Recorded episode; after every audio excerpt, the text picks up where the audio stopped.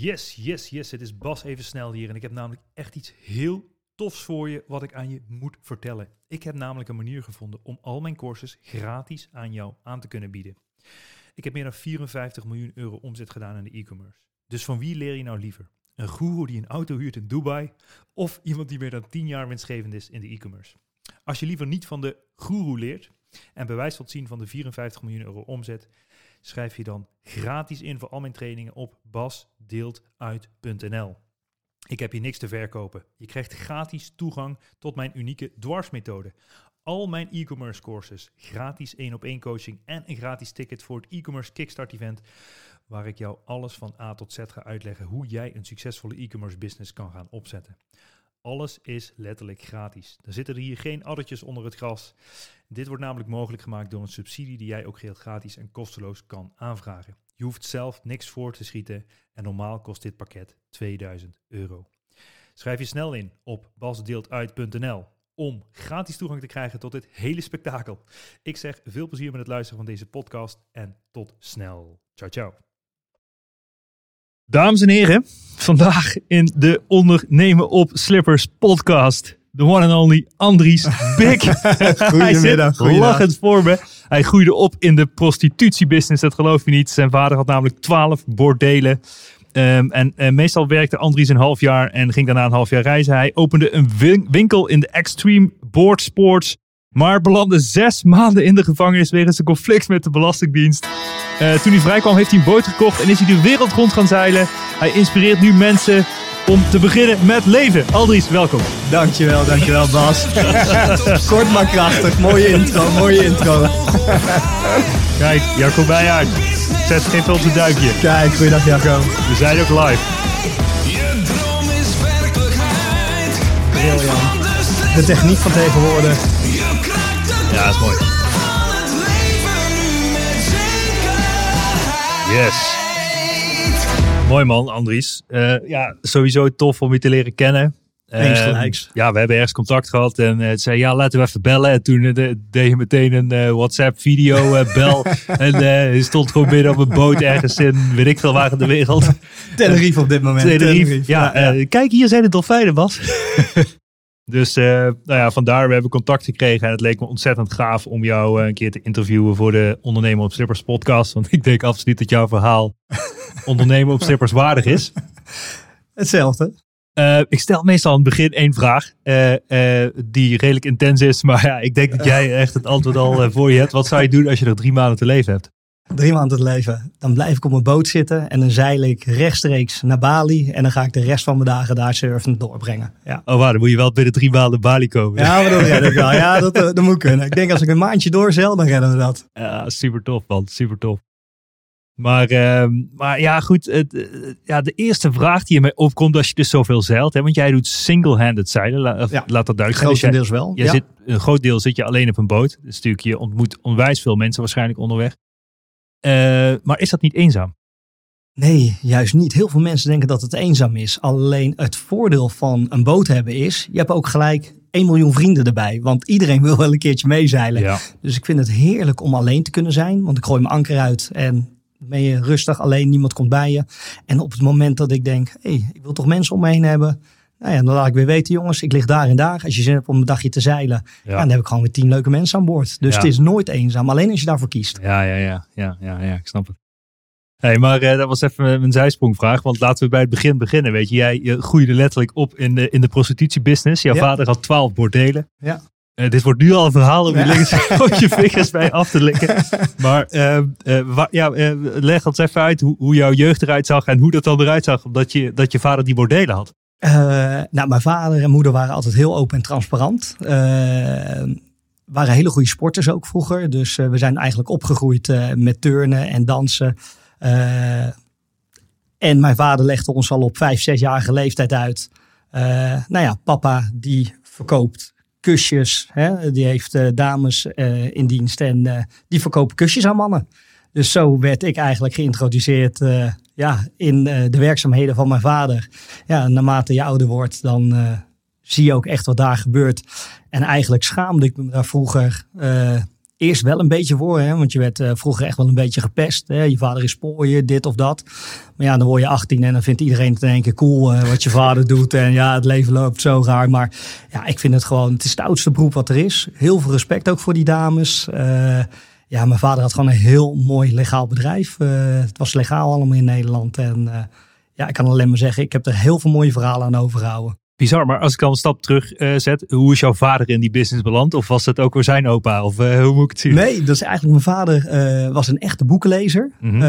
die had maar één hobby en dat was boeken lezen. Die is op een gegeven moment een boekwinkel begonnen. Die had nog een kamer vrij boven. En daar kwam een dame en die heeft dat kamertje gehuurd. Alleen er kwamen zoveel mensen steeds door de boekhandel naar die kamer lopen. Dat mijn vader zei, wat doe je eigenlijk? Nou ja, ik zit in de prostitutiebranche en ik verhuur mijzelf aan mannen. Dus ik heb seks met mannen voor geld. Nou, dus mijn vader die verkocht al seksboekjes. En daarna verkocht hij ook nummers van dames. Dus er kwamen klanten in de winkel die eerst seksboekjes kochten. Die kochten daarna nummers. En toen zei hij, ja, maar ik krijg zoveel mannen in de winkel voor seksboekjes of telefoonnummers. Als jij nou op de trap gaat zitten, kan ik ook zeggen, je kan ook met deze dame naar boven. Nou ja, zo geschiedde het. Eerst één dame. Wow. Nou, toen kwam er nog een andere dame bij, een vriendin van haar. Die huurde een ander kamertje. Ja, zo had hij eigenlijk het eerste bordeel met twee kamers. Ja, en dat werd een groter pand met tien kamers. En van één zaak, elk jaar een zaak erbij. Ja. Tot twaalf zaken. Ja. Wow. Hey, maar nummers, eh, dat snap ik niet helemaal. Dus je koopt een boek. Wat voor nummer bedoel je? Nou, vroeger had je dus eigenlijk geen uh, gewoon normale prostitutie, zo 1, 2, 3 op de straat. Maar je kon uh, wel een telefoonnummer van een dame krijgen. Um, dus er zaten dames thuis en die hadden een telefoon. Ja. En die kon je dan bellen en dan kon je een afspraakje maken. Ja. Alleen die nummers, die had bijna niemand. Oh, zo. Dus mijn vader verkocht telefoonnummers van dames die het werk deden. Oh, wauw. Ja. Dat is een mooie, dus, uh, mooie lead ja. magnet. En dan voor één gulden kon je een 06-nummer, bestond niet, maar gewoon een thuisnummer kopen. Uh, en dan kon je de dame bellen. Dus oh, zo wow. werkte dat. Ja. Oh, wauw. Oh, wow. Bijzonder zeg. Um, en uh, nou ja, zo begon het dan van één. En, en is het dan naar, ja, hoe, moet ik dat zien? Wordt het dan een soort van franchise of zo? Ja, het heeft waarschijnlijk, uh, ja, geen idee. Is het dan op een gegeven moment ga je stadje voor stadje inpikken? En, ja, ja, mijn vader was wel een echte ondernemer. Dus die keek echt wel naar welke, hè, wat zijn centrale steden? Dus Amsterdam, Groningen, Utrecht, Gouda, Rotterdam, Breda. Uh, ligt centraal, wat is goed te bereiken. En dan zetten die dan bedrijfsleidsters neer die uh, het pand moesten runnen alsof het hun eigen bedrijf was. Ja.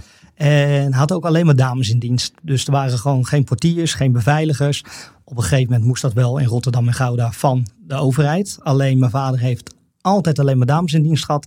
Want daar had je ook geen problemen. Want als een dame bij de deur zegt tegen je: Sorry, hè, kom morgen lekker terug. Uh, je hebt iets te veel gedronken, is er niks aan de hand. Ja. Als een portier tegen jou zegt, hey, je bent dronken, ga weg. Krijg je haantjesgedrag. Dus we hadden eigenlijk ook nooit problemen. En dat, uh, ja, dat deed hij altijd heel netjes. Ah, wow. wow. En, en, en wat voor dingen deed jij in, in die business dan, in, in die tijd? En hoe, hoe oud was je ik, toen?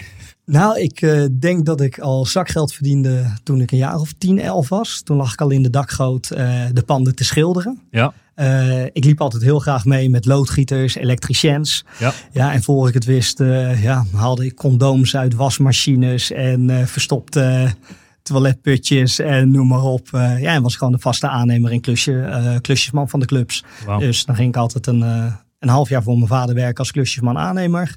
en daarna ging ik lekker een half jaar reizen. Australië, Frankrijk, Bali. En dan ging ik surfen, surfen, surfen, wow. surfen. En, en wanneer ging je voor het eerst dat ritme doen van half jaar werken, half jaar zeilen? Hoe, hoe oud was je toen?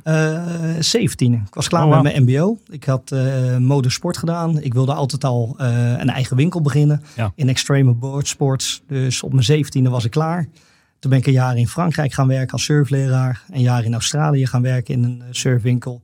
Heb ik in Oostenrijk gewerkt in een snowboardwinkel. En ik was 21, toen begon ik met twee vrienden een, uh, ja, een extreme boardshop in Hilversum. Ja, tof man. Ja, tof. Dus dat, uh... Ja, je ging er even heel snel doorheen. Maar uh, je hebt dus ook nog mbo gedaan. Ja. Ik, en, en, is dat het enige wat je aan het studie hebt gedaan? Of heb je daarna nog meer gedaan? Of, ja, of... ik wist eigenlijk al vanaf mijn tiende dat ik een eigen winkel wilde beginnen. Ja. Uh, dus ja, het makkelijkste route genomen. Uh, MAVO, MBO en uh, middenstand op zak. En klaar Kees. ik had eigenlijk nooit... ik, ik vond school eigenlijk een beetje zinloos. omdat het was niet mijn hobby. En eigenlijk pas nadat ik klaar was met mijn MBO, ben ik mezelf gaan ontwikkelen. Dus heb ik alleen maar uh, diploma's gehaald wat ik zelf leuk vond. Ik heb de ALO gedaan, ALO-studie, maar gewoon puur als zelfstudie. Uh, en dan wel gewoon examens gedaan. Maar eigenlijk alles, uh, ja, je kan het zo gek niet verzinnen. Ik ben uh, gediplomeerd lasser met beklede elektroden. Ik ben personal trainer, uh, fitnessinstructeur. Ik heb al mijn diploma's voor zeilen, omdat ik dat natuurlijk leuk vond. dus ik mag ook charteren en dergelijke. Ehm, ja, en eigenlijk elk jaar probeer ik toch één, twee studies te doen. Ik heb mijn laatste studie afgerond in, ja, toen ik vast zat. Heb ik strafrecht gedaan. Ja. Uh, module A. En zo blijf ik mezelf ontwikkelen. Talen vind ik erg leuk. Ja. Dus uh, ja, ik ben nu, uh, probeer ik weer met Spaans en Chinees verder te gaan. Cool. Ja, dat blijft gewoon mooi. Alle talen vind je leuk behalve buttalen, toch? Alle talen zijn leuk behalve buttalen. Ja, dan zeg ik altijd nog gesloten beurs, lekker in natura. Ja. Hè, uh, niet op, ja, vanuit de prostitutie, niet op die manier. Maar ja. ik vind het leuk. Als ik een boek van iemand krijg, geef ik een boekje terug. En uh, zeil een keertje met mij mee. En dan kom ik een keer een hapje bij je eten. Dus ik hou van ruilhandel. Dat vind ik nog steeds erg mooi. Cool. Beetje barteren. Ja, een beetje barteren. Ja, ja, ja. Tof man. Uh, tof. Dus, uh, dus je wilde een winkel openen. Daarvoor heb je dus uh, ja, je MBO eigenlijk afgemaakt. En daarna ging je die droom een beetje na van hey, ja. ik ga een winkel openen. En Extreme Board Sports. Ehm, eh, wat deed je zelf toen al aan die Extreme Board Sports? En wat verkocht je allemaal die winkel? eigenlijk surfde, snowboardde ik en wakeboardde ik al sinds mijn veertiende. ik heb een soort van semi ja, snowboardcarrière achter de rug. Ik was vertegenwoordiger voor een mooi snowboardmerk. Dus ik reisde ook naar Canada, Amerika. Reed wat wedstrijden, uh, Nederlandse kampioenschappen. En ja, dat vond ik allemaal hartstikke mooi. Alleen als je dan uiteindelijk van je hobby je werk maakt, dan wordt het toch wel weer iets minder. Dus ik ben die winkel begonnen. En dan kom je er toch wel achter dat hè, middenstand, hard werken, hè, weinig uh, hard werken voor weinig geld. Uh, wel erg mooi. Want ik organiseerde zelf ook veel reizen. Dus uh, zeven keer per jaar op reis met 70 uh, jongelui en dan lekker snowboarden. Alleen ja, op een gegeven moment, ja, de middenstand is opkomst van internet. Ja. Dus ze kwamen echt bij in de winkel en dan besteedde je twee, drie uur aandacht. Mensen uitleggen, hè, welk bord heb je nodig, welke schoenen heb je nodig, wat zijn nou de goede merken. En dan kom je ze later op de piste tegen in het setje wat jij hebt aangeraden, maar voor 10 euro goedkoper gekocht op internet.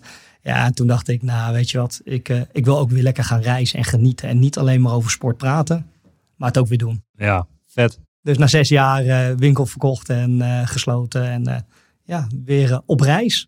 Ja, vet man. Maar nou, hoeveel, hoeveel jaar had je de winkel gehad? zes jaar. Zes jaar, ja. zo. Maar ik heb zelf ook een fysieke winkel gehad in het centrum van Utrecht. Uh, dit is inderdaad uh, ja, een beetje hard werken, relatief weinig verdienen. Uh, als je het online erbij doet, zeg maar, dan is het leuk als je daar een beetje kan, de competitie aan kan. Maar is dat ook jouw ervaring een beetje, dat, dat, je er, dat je van een winkel eigenlijk niet per se heel erg rijk wordt, tenzij je 100 winkels hebt? Ja. maar ja, in deze tijd wil je ook geen retail Nee, nee, nee, absoluut want, niet. Absoluut met niet. de bosjes op. Nee, ik, ik denk dat ondernemerschap, dat klinkt heel erg leuk, maar 9 van de 10 redden het gewoon niet. En als je gewoon goed kijkt naar de fysieke winkels, dan zie je iedereen begint een winkel. Het eerste jaar hebben ze de financiële middelen.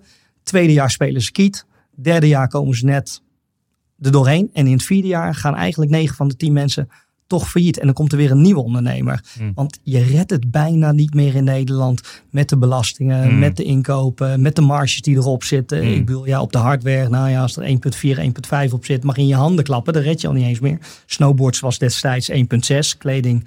Ja, dat zijn, je kan daar niet meer je belasting van betalen, je huur betalen, je personeel betalen en dan zelf nog van kunnen leven. Dus ik denk dat ondernemerschap in de detailhandel eigenlijk geen toekomst meer heeft. Dat, uh, ja, er zijn nog steeds mensen die het proberen en daarom zijn er nog winkels. Maar Ja. ik denk dat het heel snel gaat verdwijnen. Ja. Je kan, Ben ik bang. je kan dan dus beter de prostitutie ingaan. Is, Ja, ja, ja, ja, dat is nog steeds het oudste beroep. Maar- en, eh, Maar la- laten we het dan over inkopen en verkopen hebben. Als je Ja, de ja. prostitutie over inkopen en verkopen hebt, weet je, dat, ik kan me voorstellen dat dat een heel bijzonder proces is. We- weet je daar überhaupt iets van? Of? Ja, zeker. Eh, ja, je koopt natuurlijk. eh, nou ja, bij ons werden de condooms gratis verstrekt. Hè. Eh, je had ook. Eigenlijk moet je het zo zien, want een heleboel mensen die weten dus niet hoe eh, een bordeel eruit ziet. Maar bij mijn vader was het zo, je kwam binnenlopen en dan kwam je eigenlijk in een bruine kroeg binnen. Dus een hele ouderwetse bruine kroeg, grote houten bar, eh, biertje tappen, whiskytje cola. Maar in die bruine kroeg zaten ook allemaal dames. Mhm. Nou, zag je een leuke dame, kon je daar een babbeltje mee maken. klikte dat, dan kon je bij de barjuf kon je een kamer huren. Dus wij faciliteerden echt alleen maar kamers. Mhm. En we hadden eigenlijk een ontmoetingsplek. En dat werkte eigenlijk gewoon fantastisch. Je oh. komt binnenlopen, je drinkt een drankje, je praat met een dame. En als je met de dame de prijs overeenkomt, nou, dan kan je bij ons een kamer met een bubbelbad huren. Uh, of een gewone kamer met alleen een douche, uh, een fles champagne mee naar boven. En ja. Uh, ja, gezelligheid. Cool, maar, maar, maar dan heb je het over, over inkopen. Het klinkt natuurlijk misschien een beetje oneerbiedig, maar dat is niet zo bedoeld. Maar die dames moet je ergens vandaan halen. Ja, nee, dus ja, nee dat klopt, dat klopt. ik ben benieuwd hoe, hoe, dat, hoe dat eruit ziet, zeg maar. Nou, bij mijn vader werkte het zo. We werkten niet met werktijden. We werkten niet met oproepkrachten of dergelijke. Bij mijn vader kon je gewoon binnenkomen als dame. Uh, maar alleen wanneer je zin had om te werken. Hm. Dus, uh, en dat is ook het conflict met de Belastingdienst geweest. Mijn vader wilde niemand in dienst nemen. Want mijn vader wilde nooit zeggenschap over een dame hebben. Dat ook niet. Dus de club kon opengaan en er kon nog één dame zitten. Maar de club kon open, open gaan en dan stonden er twintig dames. Kijk, als er één dame zat, hè, dan belde mijn vader natuurlijk gewoon een paar dames op van... hey, uh, er zit vandaag één dame. Dus ja, als je geld wil verdienen, moet je nu komen. dan moet je nu komen. want we hebben heel veel klanten, maar geen dames. Ja. Uh, dus mijn vader kreeg ook alleen maar mensen binnen eigenlijk die dan ook echt wilden werken. Als er, er werden ook heel vaak, kwamen er mannen binnen met dames. En die mochten sowieso niet bij mijn vader werken. Want mijn vader zou nooit een dame met een pooier ah daarbij willen hebben. Er werden ook wel eens uh, busjes voorgereden. En dan stapte er een man uit en die zei: Ja, ik heb hier wat Kroatische of Poolse dames, Russische dames. Uh, kunnen die werken? Nee, dan werd gelijk de politie gebeld. Hey, er staat hier een busje met oh, dat en dat te kenteken. Want ja, daar, daar heeft mijn vader nooit. En daarom werkte het bij ons zo goed. Dames waren vrij om te gaan en staan wanneer ze wilden. Dus ze kwamen om tien uur binnen. Hadden ze twee klanten. Nou, hadden ze weer een paar mooie laarzen verdiend of kleding voor de kids. En dan konden ze weer lekker naar huis. Dus uh, bij ons alle vrijheid. Nee, oké, maar het gaat meer om, zeg maar, je moet ergens beginnen met de dames. En ik heb net natuurlijk een beetje het verhaal gehoord hiervoor, uh, hoe dat een beetje ontstaan is vanuit de boekenhandel. Maar daarna eh, wil je een beetje gaan schalen en heb je meer dames nodig. En komen, die, dan, komen die dan vrijwillig naar die winkel toe en die zeggen van, hé, hey, ik ben student en ik wil wat bijverdienen? Ja, of... Mijn vader, die adverteerde zeven dagen in de week in de Telegraaf. Club Jan Bik, dames gezocht, iedereen welkom, kom gewoon langs. En uh, nou, die kwamen echt langs. En sterker nog, uh, ik heb wel vaak meegemaakt dat ik aan het klussen was. En uh, dat de nieuwe schoonmaakdames kwamen, echt gewoon puur om te schoonmaken. En die zagen dat allemaal aan. En ik denk dat één op de drie, vier schoonmaakdames het werk ook zelf wilde gaan proberen. En ja, het klinkt, hoe moet je dat zeggen? Voor, voor veel mensen is het absurd. Alleen er zijn gewoon heel veel dames die ja, al van seks houden. Ja. En waarom niet een zakcentje eraan bijverdienen dan? Kijk, er zijn er echt wel een heleboel uh, die het ook uit noodzaak doen. Hè? Die willen hun kinderen een Nike Max geven of hun iPhone. Uh, noem maar op. Uh, kijk, wij hadden geen zicht op de illegale en gedwongen prostitutie. Wij waren legaal. We kregen vijf, zes keer in de week politie, gemeente, belastingdienst over de vloer die alles checkte. De GGD, interviews met meiden. Dus daar heb ik geen zicht op. Maar de meiden die bij ons werkten, uh, ja, de, de helft hè, uh, deed het gewoon echt gewoon om een zakcentje bij te verdienen en geen problemen met seks hebben. Ja, ja. ja, oké. Dus je adverteert dan dus gewoon in de krant en dan komen mensen en dat zijn een soort van sollicitatie komen ze dan doen? Ja, dus die komen gewoon binnen en dan is het, joh, wie ben je? Hoe oud ben je? Waar kom je vandaan? Heb je het werk eerder gedaan? Ja. Uh, nou ja, is goed. Als je het wil proberen, hè, zo werkt het hier. Je kan een drankje pakken en als er een klant komt, maak je zelf je prijsafspraak met die klant. Ga je naar boven. Nou ja, en dan uh, als er geen klachten van klanten komen bij de bar van, nou ja, ik weet niet wie deze dame is. Ja. Nou, dan kan ze gewoon lekker komen wanneer ze wil. Dat, uh... En, en er komen misschien soms ook misschien dames die, die dan de prostitutie in willen en uiteindelijk um, ja, keur je ook wel eens dames af, zeg maar. Als je ziet van, hey, eigenlijk zit jij te veel in de shit of zo. Of ga je ze dan juist helpen? Nee, uh, als wij dus echt... Kijk, je hebt dames en die zie je de hele dag bellen. En dan weet je gewoon, er klopt iets niet. Je belt met een man of er belt een man erheen.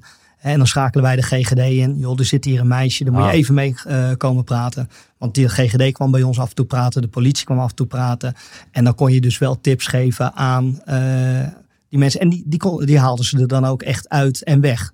Dus er werd bij ons wel uh, veel begeleid, ook door de politie. Die was er heel attent op. En wij hadden eigenlijk een heel goed contact ja, met de politie in Nederland. Ja. Want we hadden ook overal camera's hangen. Precies. Dus ook als er uh, criminelen gezocht werden en dan werden we gebeld. Of oh heb je camerabeelden of uh, ja. Wauw. Hey, en ehm, ik heb even een idee nodig, of dat zou ik willen hebben, van de marges. Want je komt dan zo'n zo'n ding binnen en dan bestel je een drankje. En dan heb je een mooie dame die zie je van, hé, hey, ik wil...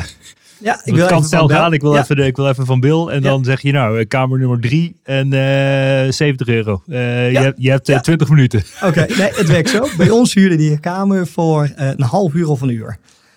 als je dan gewoon een kamer nam, gewoon een simpele kamer, betaalde je 30 euro voor een half uurtje en 40 euro voor een uurtje. En dat is een normale kamer. Nou, nam je met jacuzzi, 75 voor een half uurtje, 150 voor een uurtje. En de dame die maakt haar eigen prijs. Dus er zit een dame en die zegt vandaag, uh, joh, ik wil een uurtje met je naar kamer. Kost 100 euro. Maar er kan ook een dame naast zitten en die zegt, ik wil 300 euro. Dus kijk. Oké, maar oh, de, de bedragen die je net noemde, zijn, dat zijn de dingen die jullie verdienen. Ja. En de rest, wat, die, wat zij dan ervan maakt, dat verdient zij. Precies. Ah. Ja, dus je rekende bij ons ook echt de kamer alleen af. En op de kamer betaal je de dames. En daar zit het probleem oh, met de Belastingdienst. Oh, ja. De Belastingdienst allemaal willen dat jullie de dames in dienst nemen. Ja. En dat jullie belasting heffen over de dames. Dus dan had mijn vader had dan het incassobureau moeten gaan spelen voor de Belastingdienst. terwijl het zelfstandig ondernemers zijn. Ja, ja, ja, ja, ja. bizar. Nee, dat wil je niet. Dus ik, ik, ik snap het model nu. Ja, dus het kan zo zijn. Dus, uh, je bent eigenlijk gewoon een, een hotel per half uur of uur ben je eigenlijk gewoon. Dus daar, en, en dan met, een, met als doel uh, dat er uh, dames wipjes maken. Maar dus voor jouw orde, het kan dus zo zijn dat je zegt ik wil een half uurtje met een dame en dat een dame 50 euro voor een half uurtje rekent. Nou, dan ben je voor 80 euro, heb je een half uurtje. En als je twee dames wil, nou, dan kan het zomaar zijn dat je voor 160 euro twee dames hebt. Maar als je twee fotomodelletjes wil, kan het ook zomaar 500 euro of 600 euro zijn. Oh ja. ja. Ja. Dus ja, je moet binnenkomen en een babbeltje maken. En dan, maar, uh, wat voor extreme dingen zie je dan wel binnenkomen? Komt er dan zo'n rijke gozer binnen die zegt uh, 1, 2, 3, 4, meekomen? Ja, ik heb wel hele, hele bizarre dingen. Ik had uh, in Groningen, was er een, een ja, een, een hele rijke rechter. En die kwam uh, wel eens uh, binnen. Je mag geen namen noemen. Ik mag geen namen noemen. En uh, ja, die kwam binnen en die wilde gewoon elke, elk uur een ander meisje en een nieuwe fles Bacardi hebben. Wow. En dat ging dan soms twee, drie dagen door. Nee. Ja, ja. Wow. En je hebt inderdaad ook mannen die komen binnen en die, ja, die praten met een paar meiden en die gaan met drie, vier meiden naar boven. En het is uh, een heel mooi verhaal. Is ook, uh, ik ga dit soort verhalen in boek 2 schrijven, want dat is ja. alles wat ik heb meegemaakt. Maar we hadden in Groningen uh, een hele mooie bar. Ja. En op een gegeven moment komt er vanaf de eerste verdieping komt er een jacuzzi naar beneden gestort. Die komt zo door het plafond in de bar terecht. Uh, met vier dames erin, vier flesjes champagne en een klant. Niet. Ja, ja. Niet. En zijn mensen uh, gewond? Nee, niks gewond geraakt. En niks aan die jacuzzi zakte door het plafond. Die zakte gewoon door het plafond heen met vier dames erin en de champagne. En ja, er gebeuren wel gekke dingen. Maar ja, het is allemaal eigenlijk alleen maar positief grotendeels. Ja. Wauw, wauw. ik zie het heel voor me Ja, ik heb gekke dingen meegemaakt. Ja, ja, sick joh. Hey, maar um, uiteindelijk uh, heb je zes maanden in de gevangenis gezeten. Ja. Um, uh, ja, dat is natuurlijk bijzonder. Je bent er vrij open over ook. Dus dat vind ik sowieso heel gaaf. Ik, ik ben heel erg benieuwd sowieso waarom je in die gevangenis uh, terecht bent gekomen. Um, en daarna ben ik heel erg benieuwd wat je daar, die, daar in die zes maanden tijd heb je allemaal mooie dingen gedaan. Ja. Maar, dus ik wil daar ook alles van weten. Dus, dus ja, brand los. Brand Wa los. waarom is Andries uh, in de boeien geslagen? In de boeien geslagen. nou, wat ik net al zei, uh, mijn vader had dus twaalf bordelen. Ja. Uh, ik geloof dat hij in 1975 al voor 1 miljoen werd aangeklaagd door de Belastingdienst. Want die wilde de BTW van de dames hebben. Nou, die heeft dus echt 50 jaar gevochten met de Belastingdienst. Uh, die waren op een gegeven moment zat. Toen hebben ze gewoon gezegd, jullie zijn een criminele organisatie, dat hele bedrijf. En wij vermoeden dat jullie uh, 30 miljoen euro te weinig aan belasting hebben betaald. Uh, dat jullie fraude plegen, witwassen. Nou, tegenwoordig gooien ze dat onder het kopje een criminele organisatie. Mm. En een criminele organisatie is niks anders dan met twee of meerdere personen gezamenlijk iets crimineels doen. Maar als je een criminele organisatie bent, dan krijgt de Belastingdienst of de politie dan heel veel mogelijkheden. Mm -hmm. Dus die zeggen: Oké, okay, we pakken jullie op, we gooien jullie uh, in de gevangenis. En dat hebben wij nodig om onderzoek te plegen. En we moeten jullie vastzitten, zetten, zodat jullie geen uh, bewijzen weg kunnen maken, geen getuigen kunnen beïnvloeden. En uh, ja, zo werden mijn vader, ik, mijn moeder en twee vrienden werden we opgesloten. Uh, nou, dat begint eerst met een weekje. En dan vraagt de rechter nog twee weken aan. En voordat je het weet zit je zes maanden vast. Nou ja, mijn vader uh, 70, mijn moeder 70. Mijn moeder had nog nooit een boete voor een uh, parkeerboete gehad of wat dan ook. Nou, die wordt dan ook gelijk vastgezet. ja, en dan begint het spel. Nou ja, ik had nog nooit vastgezeten en ik had me op het ergste voorbereid. nou, ik kwam daar eigenlijk voor het eerst de gevangenis binnenlopen en ik schrok me dood. Ja. Want de celdeur ging open en ik zag een ijskast, ik zag een douche, ik zag een toilet, ik zag een, een magnetron, een koffiezetapparaat, uh, een televisie en een radio. En het was groter dan mijn camper. Ik zat vlak voor dus eigenlijk na mijn winkel ben ik de wereld rond gaan reizen in een camper. Eigenlijk nog steeds als klusbedrijf. Kluscamper.nl was dat. Oh, dit was voordat je in de, in de, in, de, gevangenis, kwam. Oké, dat, dat, is ook mooi. Dus ja, ik was eigenlijk gewend om in een camper te leven. En dit was drie keer zo groot als mijn camper. Dus mijn mond viel open. En eigenlijk ben ik steeds van de ene verbazing in de andere verbazing gevallen over hoe luxe het in de Nederlandse gevangenis is. Want ja, ik bedoel, als je naar de tv kijkt, betonnen blokken met z'n tien op een cel, uh, onder de douche zeepjes laten vallen. Echt, ik was doodsbang. Ik denk, wat gaat me hier gebeuren? Ja, ja niks daarvan is waar in Nederland. Uh, Je kan biefstuk bestellen, je kan elke dag uh, bestellen wat je wil, tot tonijn biefstuk, playboys. Uh, ik heb zelf nog nooit een jointje gerookt, drugs gebruikt of wat dan ook. Nou ja, uh, daar zit iedereen op, de, op zijn kamer de hele dag joints te roken, Playstation te spelen. En nou, ik heb er niemand ontmoet die ook maar enigszins berouw heeft van zijn daden. En ja, ik begrijp nu waarom er zoveel veelplegers in Nederland zijn. Ja, dat is, best wel sick, dit, dit, uh, dit verhaal. Maar oké, laat duidelijk zijn. Je bent dus je bent eigenlijk met de hele familie, zijn jullie dan in de gevangenis beland? Ja. Hebben jullie met z'n allen zes maanden vastgezeten? We hebben met z'n allen zes maanden ah, vastgezeten. dus, dus je vader, je moeder, jij? Mijn vader, mijn moeder, ik en een vriend van mij. En een vriend van jou? Ja, dus hebben met z'n vieren hebben want wij werkten met z'n vieren in mijn vaders bedrijf. Ja. En uh, dus hebben ons alle vier uh, opgepakt. Ja, sick. En, uh, maar jullie hadden allemaal een ander kamertje, neem ik aan. En af en toe, uh, als je naar buiten mocht of zo, dan kon je eventjes met elkaar babbelen. Of hoe moet ik het zien? Nee, nee, nee. Ze hadden mijn vader in Arnhem opgesloten. Oh. Mij in Zwolle op de mannenafdeling. Oh, ja. Mijn moeder in Zwolle op de vrouwenafdeling. En een andere vriend van mij uh, in, waar was dat? Die Apeldoorn. Oké. Dus ze hadden ons allemaal afgezonderd. Uh, ze hebben ons echt behandeld als de zwaarste criminelen. Ik werd echt uh, tussen de moordenaars gezet. Uh, ja, moordenaar van Pim Fortuyn, die zat bij mij op de afdeling, noem maar op. Eh, links van mij die had er zes met een Uzi doodgeschoten. Rechts van mij die zat voor 60.000 eh, liter aan GHB. Voor me zat iemand die had een handgranaat bij iemand naar binnen gegooid. En dat doen ze gewoon echt om te intimideren. Van ja, dan gaan ze wel praten. Ja, nee, precies. En dan bieden ze dus ook, uh, joh, nou ja, of we gaan je net zo lang vasthouden totdat je praat. Of uh, je gaat nu een deal met ons sluiten. Ja, ik zeg, ik heb niets te vertellen. Dus nou ja, ze hebben me zes maanden vastgehouden en mijn ouders ook. Ja, bizar man. Oké, dus nou zit je zes maanden in gevangenis. Heb je best wel een luxe kamer dus. Laat, ja. dus daarom heb je ook even... De titel van je boek is uh, Grand, Grand, Hotel, de Baais. Dus, dat, dus uh, Grand Hotel de Baais. Ja, dus ja. Uh, dat is sowieso mooi.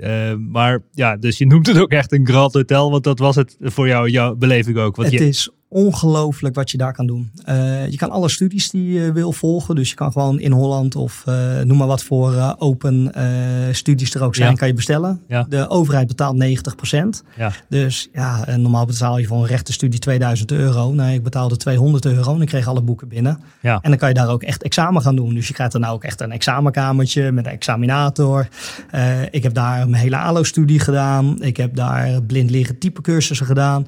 Ik heb daar een boek geschreven voor de gevangenen zodat ze weten wanneer ze moeten eten, wat ze moeten eten, hoe ze moeten trainen om fit te worden. Want ik zeg ja, een, een, een gevangene die zijn energie in sporten steekt, is ook een rustige gevangene. Dus ik kreeg van de directeur uh, extra vrije tijd om een boek te schrijven, uh, extra schooluren. Uh, nou ja, het is bizar. als er iemand vervelend was van de bewakers, dan begon ik een rechtszaak. Want ja, ik moest ook in de praktijk, moest ik alles toch ja, proberen. Dus ik, ik, had eigenlijk elke, elke week wel een rechtszaak. Ik wilde uh, bier zonder alcohol importeren. En dan komen er echt mensen vanuit Den Haag met z'n tienen.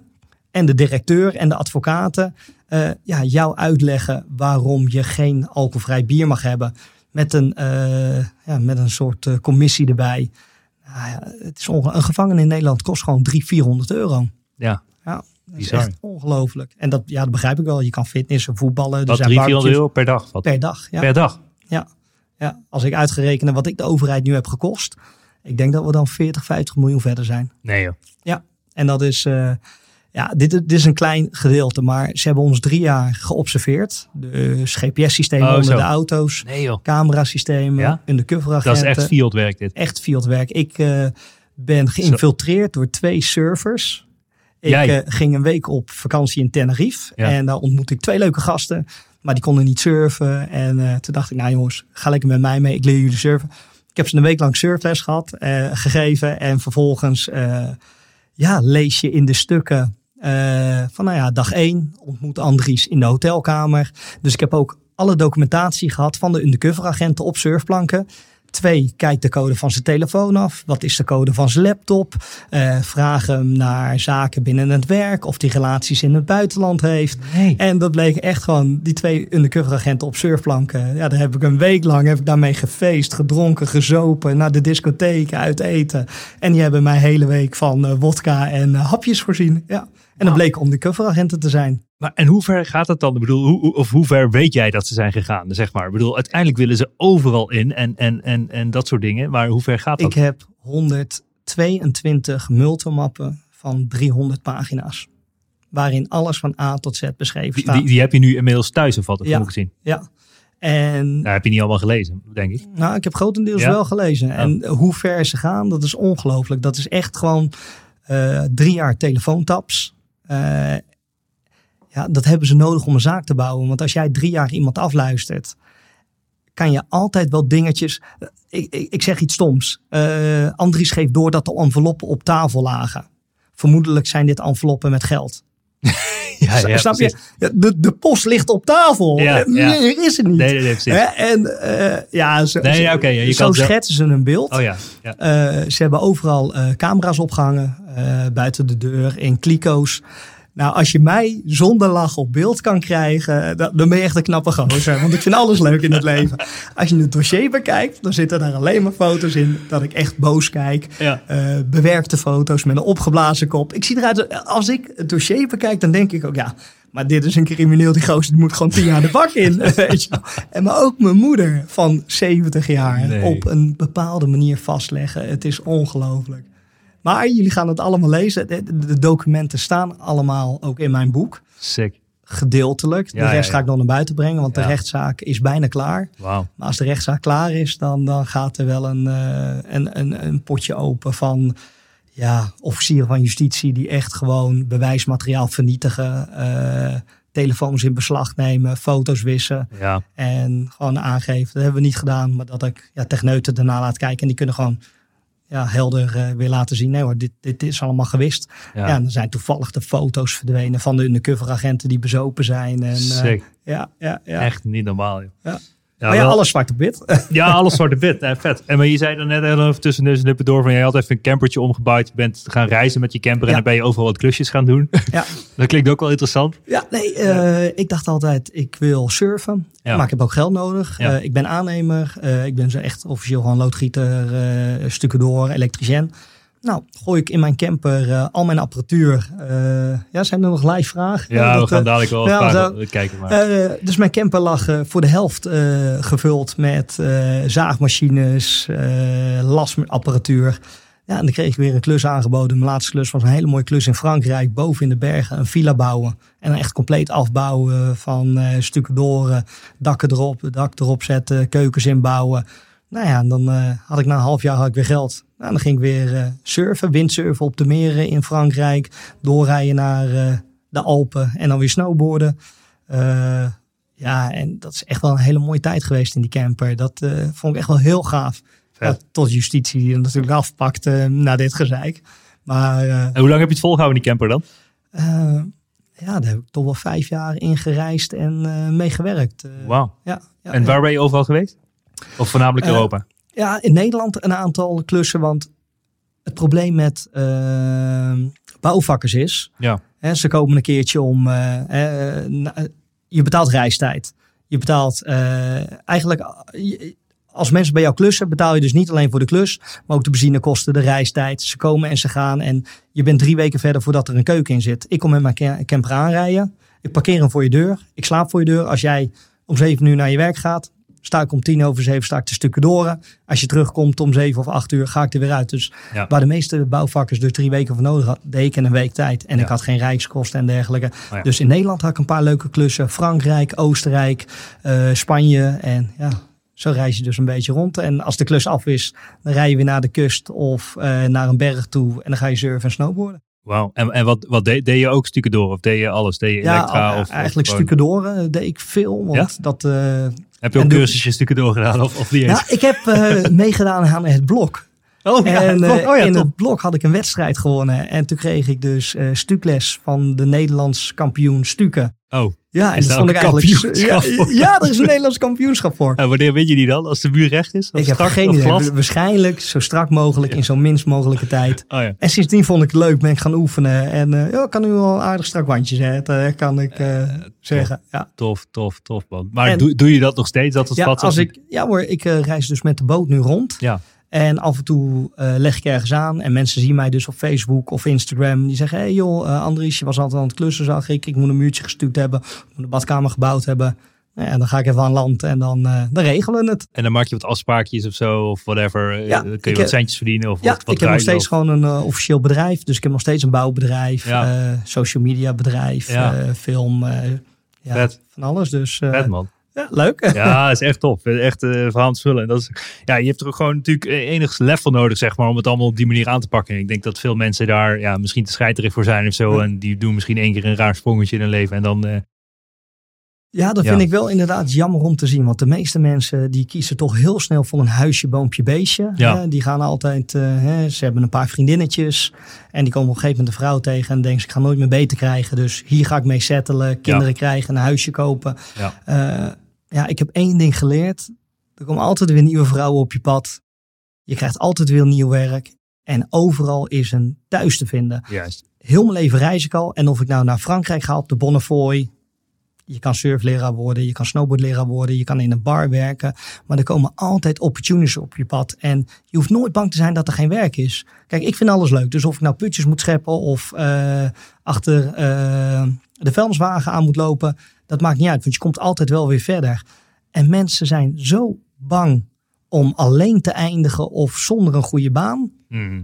Ja, dat ze stil blijven staan. En dan blijf je ook stilstaan in je ontwikkeling. En de wereld is gewoon te mooi en te groot om maar op één plek door te brengen. Dus ja, ik probeer nu mensen toch echt uh, te motiveren en inspireren om niet te wachten, niet gelijk te settelen, maar ga ook eerst reizen.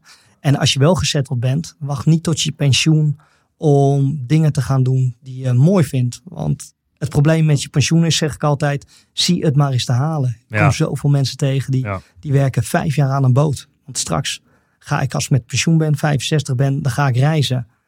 Ze worden ziek. Een vrouw wordt ziek. De kinderen worden ziek. Ze mm. krijgen zelf een hartaanval, mm. uh, spit of iets in hun rug en kunnen niet meer. Ik denk dat van de mensen die ik tegenkom, de tien mensen die ik tegenkom, die zeggen ja, zometeen met pensioen ga ik reizen. Ik denk dat echt maar vijf, zes, of ik denk dat maar drie, vier mensen dat redden. De rest, die, daar gebeurt iets mee. En het raar is ook, je komt nooit iemand tegen die nu op een zeilboot zit of de wereld rondreist of met zijn vrouw in een camper zit en die zegt van, nou ja, ja ik ga weer werken.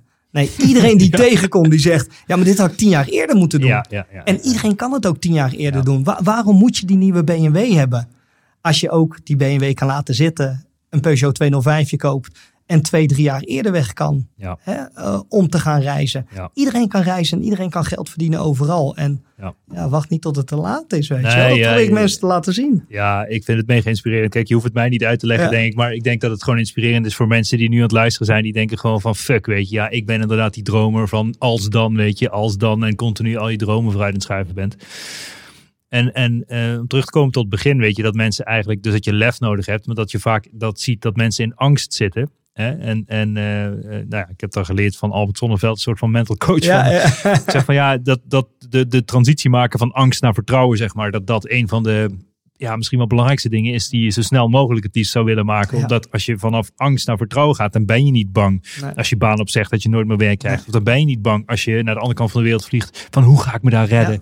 En dan ben je niet bang als je whatever uh, doet, zeg maar, om, om, een camper te klussen met, uh, met een paar reflexen erin. En je gaat gewoon uh, aan het werken door, door de hele wereld. Dat is toch... En ik denk dat dat echt al begint na je school. Het is precies wat jij zegt. Nou, Weet je, je moet dat vertrouwen moet je krijgen.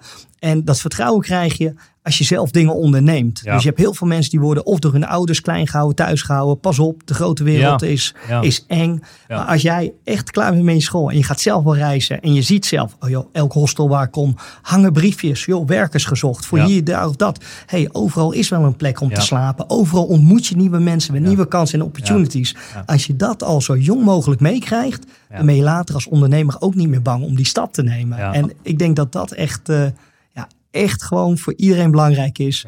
Bouw dat vertrouwen op als je al jong bent. Ja, ik, denk dat het begint bij geboorte. Want het heeft heel veel te maken met hoe je ouders je, denk ik, op hebben gevoed. Wat voor vertrouwen je al hebt vanaf baby tot waar je nu bent. Misschien, weet je. Of in ieder geval totdat je het huis uitgaat, laat ik het zo zeggen. En ook, ja, bedoel, als je, vader, of je ouders ondernemend zijn. Of je, ja, bedoel, het ziet eruit dat je redelijk vrij bent opgevoed, zeg maar. Uh, en, en dat geeft je toch een hele andere mindset al direct dan dat jij uh, bij een rechter en een, uh, en een arts was opgegroeid. En ja. ja. je moet maar hard studeren en zorgen dat je, dat je in die operatiekamer staat elke dag. Weet je. Ja, dat klopt ook wel inderdaad. Maar als je die opvoeding niet hebt gehad, kijk, mijn vader was heel liberaal, heel wild gewoon. ook, je leert dingen door te doen. Ik kijk tegenwoordig naar mensen ja. Oh, nee, pas op. Niet nu al fietsen. We laten nog twee jaar opzij met zijwieltjes fietsen. En als de zijwielen eraf gaan, dan gaat er een helm op. Dan gaan er bescherming omheen.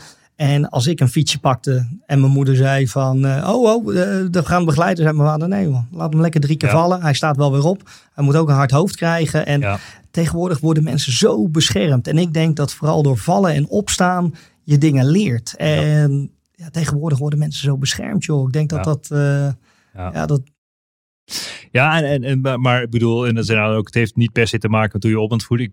Iedereen kan zich op elk moment in zijn leven gewoon vrijbreken, zoals ik het noem. Je hebt toch Break Free, dat is dan volgens mij een ander programma, maar dat, dat gaat meer om mensen die het buitenland gaan en niet meer terugkomen, geloof ik.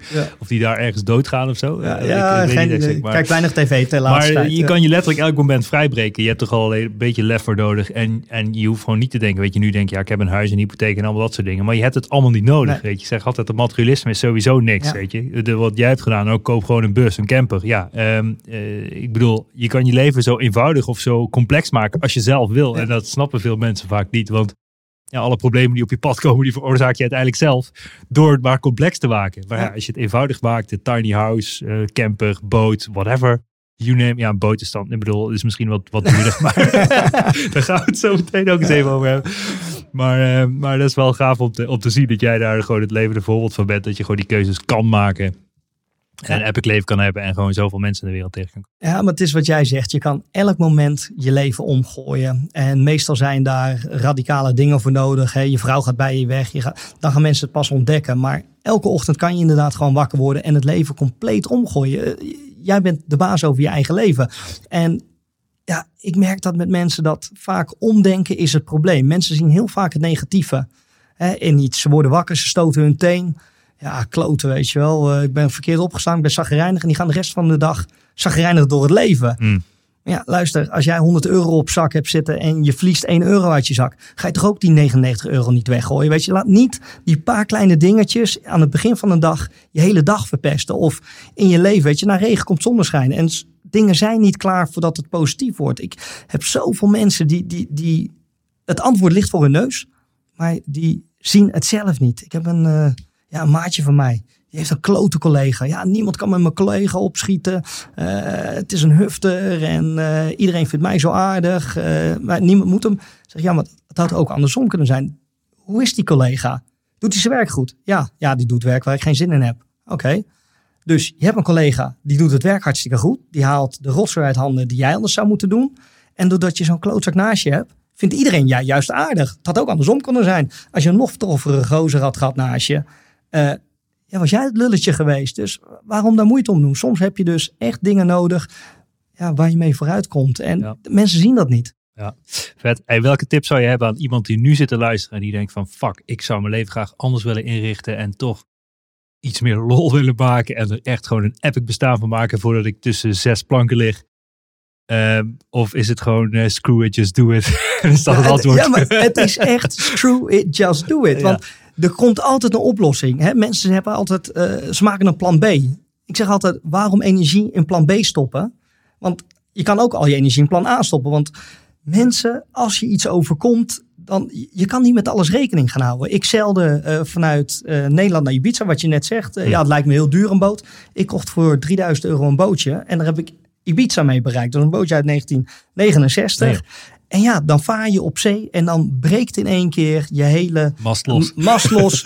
ja, je kan je wel over na gaan zitten denken en de hele boot herbouwen. Maar je kan ook denken, als het gebeurt, ja, dan zie ik het wel weer. Ja. En je vindt altijd een oplossing. Mijn uh, mast, uh, ja, eigenlijk de grootschoot, dus een, uh, een, stuk hout in je boot, brak eruit. Ja, wat doe je dan? Nou ja, dan pak je drie andere touwtjes, dan haak je dat aan de grootschoot vast en dan kan je ook weer doorzeilen. Dus je kan wel over alles na gaan denken en het, het gaan plannen.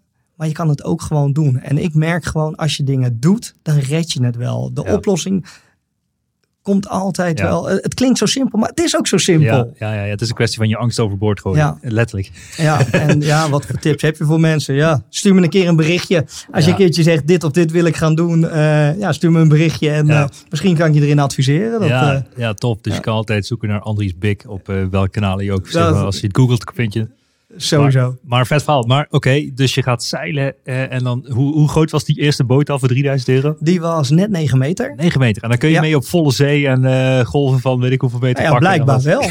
ik bedoel, uh, ik werd in alle zeilbladen voor gek verklaard. Want oh. ik vertrok in december. Dus in, ja, met 0 oh graden, hagel, sneeuw. In een te klein bootje. Zonder dat ik ooit op zee had gezeild.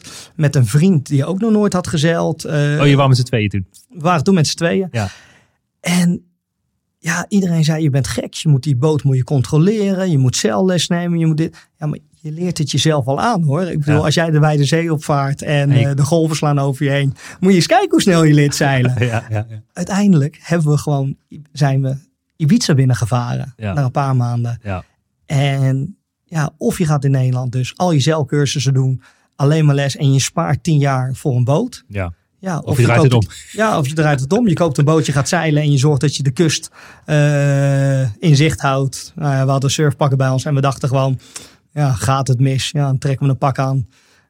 Peddelen we naar de kant toe. Hadden we nooit gered hoor, nee, maar dat wisten we toen nog niet. Dat, uh, maar ja, we kunnen nu allebei redelijk ja, zeilen. En nu vet. woon ik alweer uh, vijf jaar op een boot. En ja, ik ga er nooit vet, meer vanaf komen. Vet, vet, vet. Ja. ja, wij gaan ook een keertje zeilen. Ik voel het aankomen. Ja, leuk. Het gaat sowieso gebeuren. het lijkt me heel vet. Ja, tof man. Echt. Uh, en, en nu, uh, waar, waar, wat heb je nu? Heb je nog steeds dat boot? Of een andere boot inmiddels? En, en, nee, en waar ik, ligt die? Hoe ver, hoe ver ben je? Hoe, welke landen heb je allemaal rondgezeild al? Of, nou. Ik begon dus in een bootje van 9 meter voor 3000 euro uit 1969. En met die boot ben ik dus van Nederland, België, Frankrijk, Spanje, toen een stukje terug. Toen ben ik via Kanaal de Medina naar Ibiza gevaren. Uh, ik heb dat allemaal gevlogd en geblogd. En dat werd steeds leuker. En ik kreeg wat sponsors. Uh, mensen die toch leuk, een leuk verhaal vonden. En ja, ik deed eigenlijk uh, alles zonder geld. Dus ik maakte alles zelf, alles wat stuk ging. ik kluste af en toe wat bij hè, in een haven. en toen kreeg ik een sponsor uit Italië. Die bouwde windgeneratoren en zonnepanelen. En die zeiden, joh, wij hebben hier nog een boot liggen van aluminium. Uh, maar daar varen we eigenlijk nooit mee. Kom een bootje halen, ga jij de bootje opknappen en ga jij daarmee de, de wereld rondzeilen. Nou ja, naar Italië gevlogen, boot opgehaald en daar zeil ik nu op. En dat is een boot van 10 meter. Uh, heel basic, ook zit uh, geen mooi stuurwiel op, zoals mensen dat zeggen. Maar nog een helmstopje op. Zit een motor in, zit wat houten plaat in.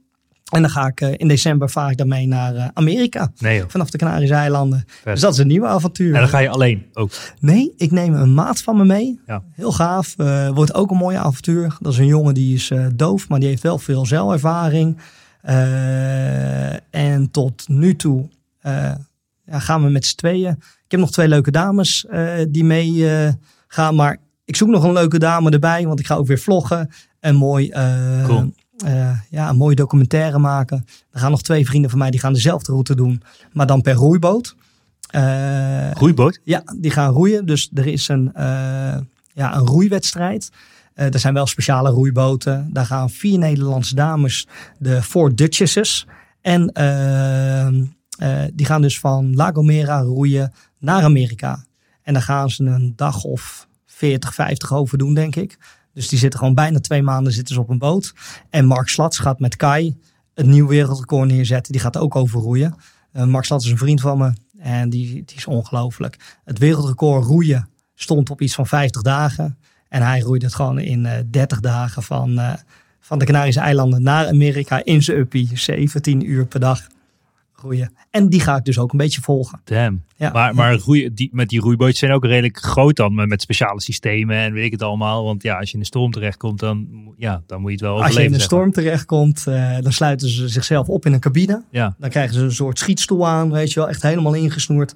Ja, en dan ga je een uh, paar uur of soms uh, drie dagen lang rollen. Uh, met je bootje over de golven totdat het weer uh, oh. rustig wordt en dan ga je door. Uh. Oh man, dus ja, wat al misselijk Mensen vinden het al heftig wat ik doe, maar in een roeiboot de oceaan over. Zeker. gewoon voor al die tijd eten mee, water maken mee, waterpompen. Ja, dat is ook bizar hoor. Wel een heel gaaf verhaal, maar je wilde net een oproep doen dat je nog iemand zocht die mee wil varen? Of, ja, nou ja, als, als er nog leuke dames zijn die mee willen varen, ja. ja meld je aan. Ik zoek er nog eentje. Tof. Ja, ik wil gewoon paar leuke jongens, een paar leuke dames aan boord. En dan gaan we een vette avontuur aan. Dat, ja. uh, dus, dus ben je helemaal klaar met het uh, naar kantoor gaan en heb ja, je geen zin meer? Wil, wil je, nog ergens, precies, wil je nog op Aruba of Bonaire, wil je daar je leven op gaan bouwen? Ja. Je kan met mij meevaren. Je krijgt een enkele reis naar Amerika. Ja, ja, ja, ja, ja, Ik ga het wel allemaal vastleggen. Dus of je nou 30 dagen kotsend overboord ligt of uh, een boek schrijft. Uh, ik leg het wel vast, dus dat je daarvan op de hoogte bent. Ja, mooi, mooi. Echt vet verhaal, man. Um, ja, dat is echt bizar. En nu, eh, je bent ook spreker, je bent auteur, allemaal dat soort dingen. Wat, wat, wat doe je ook daarmee een beetje? Dus af en toe word je wel eens gevraagd voor gigs of zo. En dan uh, zeg je, hey, dat kost dit. En dan kom ik even met je, kom ik mijn verhaal delen. Of ja, kom ik mijn verhaal delen. Ik heb natuurlijk het boek geschreven over hoe bizar de Nederlandse gevangenissen zijn. Ja. Uh, dit is trouwens vertaald in het Spaans trouwens. Hè? Ja, oh, ja dit is leuk. Dus, dus, over volgende week is het uh, volledig uh, te downloaden in het Spaans. Ja. Uh, ja, je hebt gewoon bijna 600 miljoen Spaanstalige mensen op de ja. wereld. En het is gewoon een uniek verhaal. En tegenwoordig met vis-à-vis, de Papel. Hè, al die Spanjaarden zijn helemaal gek van criminaliteit en oh, gevangenissen. Dus ja, dit leek me wel een gat in de markt. En het wordt ook vertaald naar het Engels. Ik ben nog wel op zoek naar een... en het Frans wordt vertaald. Ik ben alleen nog op zoek naar een uh, Duitse vertaler. Dus uh, misschien dat iemand zich aanmeldt. Oh, dan kan ik je wel. Ik ken iemand die ja? uh, net zo'n oh, boek goed. uit Nederlands naar Duits vertalen. Kan ik je misschien wel melden. Oh, wat cool, wat cool, wat cool. ja. Dus ja, ik geef af en toe, ja, dan doe ik eigenlijk gewoon boekbesprekingen. En ik vind het wel leuk om ja, sessies te doen. Ik stond afgelopen jaar op de HISWA toen het coronavirus uitbrak. Uh, was dat is een beurs toch? Ja, dat is uh, de grootste uh, zeilbotenbeurs, de grote watersportbeurs ja. van Europa. Mm -hmm. En dan mocht ik mijn verhaal vertellen over hè, niet denken maar doen. Lekker gewoon een boot kopen, naar de overkant zeilen. En dat is wel mooi. want dan ben ik aan het spreken en dan heb ik er ook een mooie video bij. Ja. En dan laat ik dus ook beelden zien dat ik op open zee dolfijnen tegenkom. En dat ik een touw pak, dat ik het water inspring. En dat ik dus achter de boot hang. En dan films maak van de dolfijnen. Ja, en dan zeg ik ook tegen de mensen. Ja, jullie zitten hier nu. Hè? Jullie gaan volgend jaar gaan jullie zeilen. Jullie zijn 70. Dit ga je al niet meer kunnen doen. Ja. Als je nog vijf jaar wacht, ga je nog minder kunnen doen. En voor de jongeren, ga nu. Nu ben je nog gezond. En nu kan je nog met dolfijnen springen, in het water springen.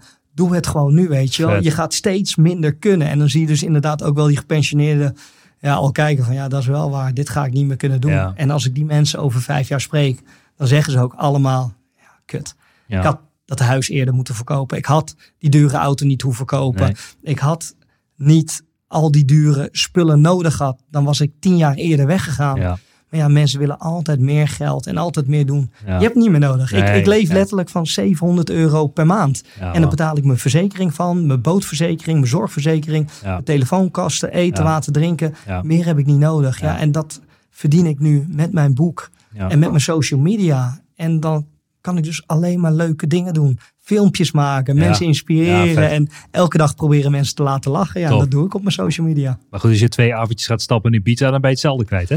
Ja, nee, maar dat is inderdaad bizar. In Ibiza betaal je gewoon 25 euro voor een... Uh, een barcootje? Ja, voor een barcootje of een Red Bull. 10 euro voor een drankje.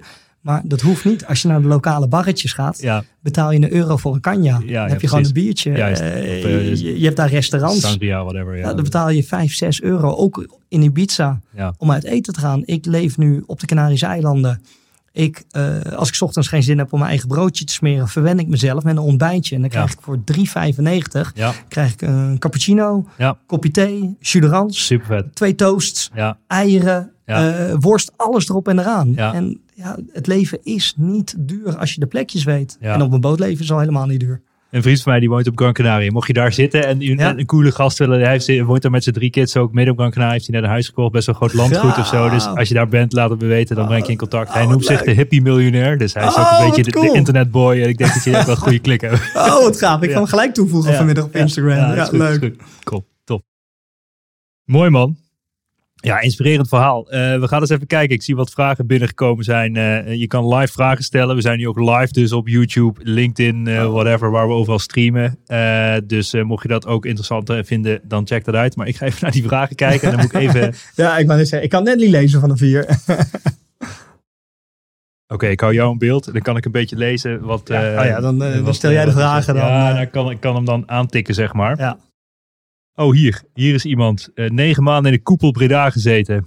en wat je zegt is waar. Even by the way, ik ben er niet trots op. maar ik ging met meer spullen de deur uit dan ik naar binnen ging. Heel bizar. ja, echt heel bizar. Ja, want je dus hier zijn mensen die ook gewoon vastzitten, die met meer naar buiten komen. Ja. Ja, en hier ook, kijk, inderdaad, ook, ze zegt ook, uh, dank je Andries, je leeft nu. Oh, wat leuk. Soraya, uh, echt leuk.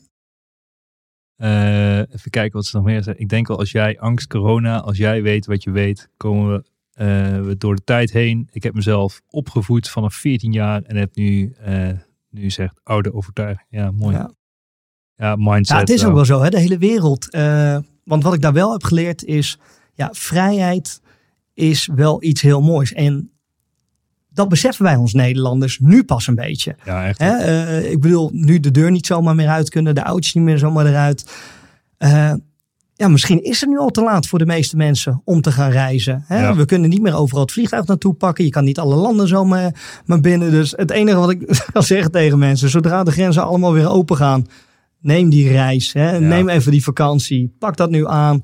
Voor je het weet, uh, kom je nergens meer. Dus echt mensen, neem die stap als het zo meteen weer kan. Ja, vet. Vet. Ja, en uh, je ziet het ook nu, want jij beweegt je ook nog. Ik bedoel, we zijn net ook een maand lang uh, met de caravan en daktent door Europa een beetje gereisd met de kinderen. Dus het kan allemaal wel, weet je. Alleen ja, uh, het, het, als een grens dicht gaat, is het natuurlijk anders. Maar ja, ik bedoel, kijk, uh, ik weet niet of je de ambitie hebt om überhaupt ooit ergens te settelen en een vrouw en kinderen te maken en dat soort dingen. Of, of dat je gewoon de free man on earth blijft en, en, gewoon lekker blijft freewheelen tot, tot het je er neerlegt neervalt. De mensen die ik tegenkom, die zeilers. Ik kom zeilers van 84 tegen en die zijn op de terugweg naar Nederland aan het zeilen. Die zeggen gewoon, ja, hoe lang zeil je al? Nou ja, de afgelopen 50 jaar zeilen die. Ja. Uh, geen vraag. Nee, nee, nee, ik vind het leven te mooi, te veel om te ontdekken en verandering van... Uh, ja, spijs tot eten. En die willen altijd weer door. En dat ga je gewoon niet redden met een gezin. Het hele leven door. En ja, ik ben sowieso al niet iemand die bij één vrouw blijft. En alles wordt op een gegeven moment wordt het gewoon. Hè? Een Ferrari ja. uh, voor miljonairs is ook maar een auto. Ja. En voor mij is dat, ja, ik wil altijd maar doorgaan en nieuwe dingen ontdekken en nieuwe personen ontdekken. En dat doe ik best alleen. Ja, tof man. Ja, ik vind wel, het is mega inspirerend. En, ja, toch die vraag stelde ik ook meer omdat ik ook denk van ja, weet je, het is ook dat, dat ik zelf ook meer nadacht van oké, weet je, ik heb dan zelf met mijn huidige vrouw dan voordat we kinderen kregen de wereldreis gemaakt, twee jaar lang gereisd en, en nog steeds reizen we met de kinderen. Maar ja, het leven met en zonder kinderen is eigenlijk natuurlijk ook gewoon het sowieso anders. Ja. Eh, eh, en maar ja, je vindt ook families die reizen en die gewoon complete bussen ombouwen tot, tot campers en de wereld rondgaan. Ja, ik moet zeggen, ik vind kinderen vind ik ook wel hartstikke mooi. Maar het mooiste is, al mijn vrienden die hebben een zooi kinderen. Ik mhm. kom daar binnen. Ja, dan ben je daar klaar mee. Ik, ik, ik zet daar de, de bende op stelten en uh, een oh paar uur later trekt de deur weer achter me dicht en uh, doe jongens. Dat vind ik fantastisch. Maar dat wou ik nou net, sorry zeggen, zo'n kerel van 84 dan zeg ik, oh, je gaat naar Nederland en dan doe je weer een huisje. En dan, uh, Nee, helemaal niet. Ja, ik moet terug. Want ik word een beetje vergetenachtig. En ik laat af en toe wel eens het gas aanstaan. Dus het wordt gevaarlijk. Maar ik vaar met mijn boot terug. en dan ga ik lekker mijn boot in Amsterdam neerleggen. Betaal ik 600 euro per jaar in Hartje Amsterdam. Ik leef op mijn boot. En de rest van mijn pensioen. Ja, ik heb elke dag genoeg geld om uit eten te gaan. En ja ja, die komen niet meer van een boot af. Iedereen die ik spreek, die gaat reizen, die zijn dromen vervolgt, die zegt echt gewoon, had ik eerder moeten doen. Ik ga niet meer terug naar mijn oude leven. Ja. Ja. ja. Screw it, just do it. Ja, ja dat, dat vind ik een hele mooie voor jou. Screw it, just do uh, it. Ja, dat wordt je ondertitel van je nieuwe boek. Subtitel. ja, thanks Bas. ja, heel vet.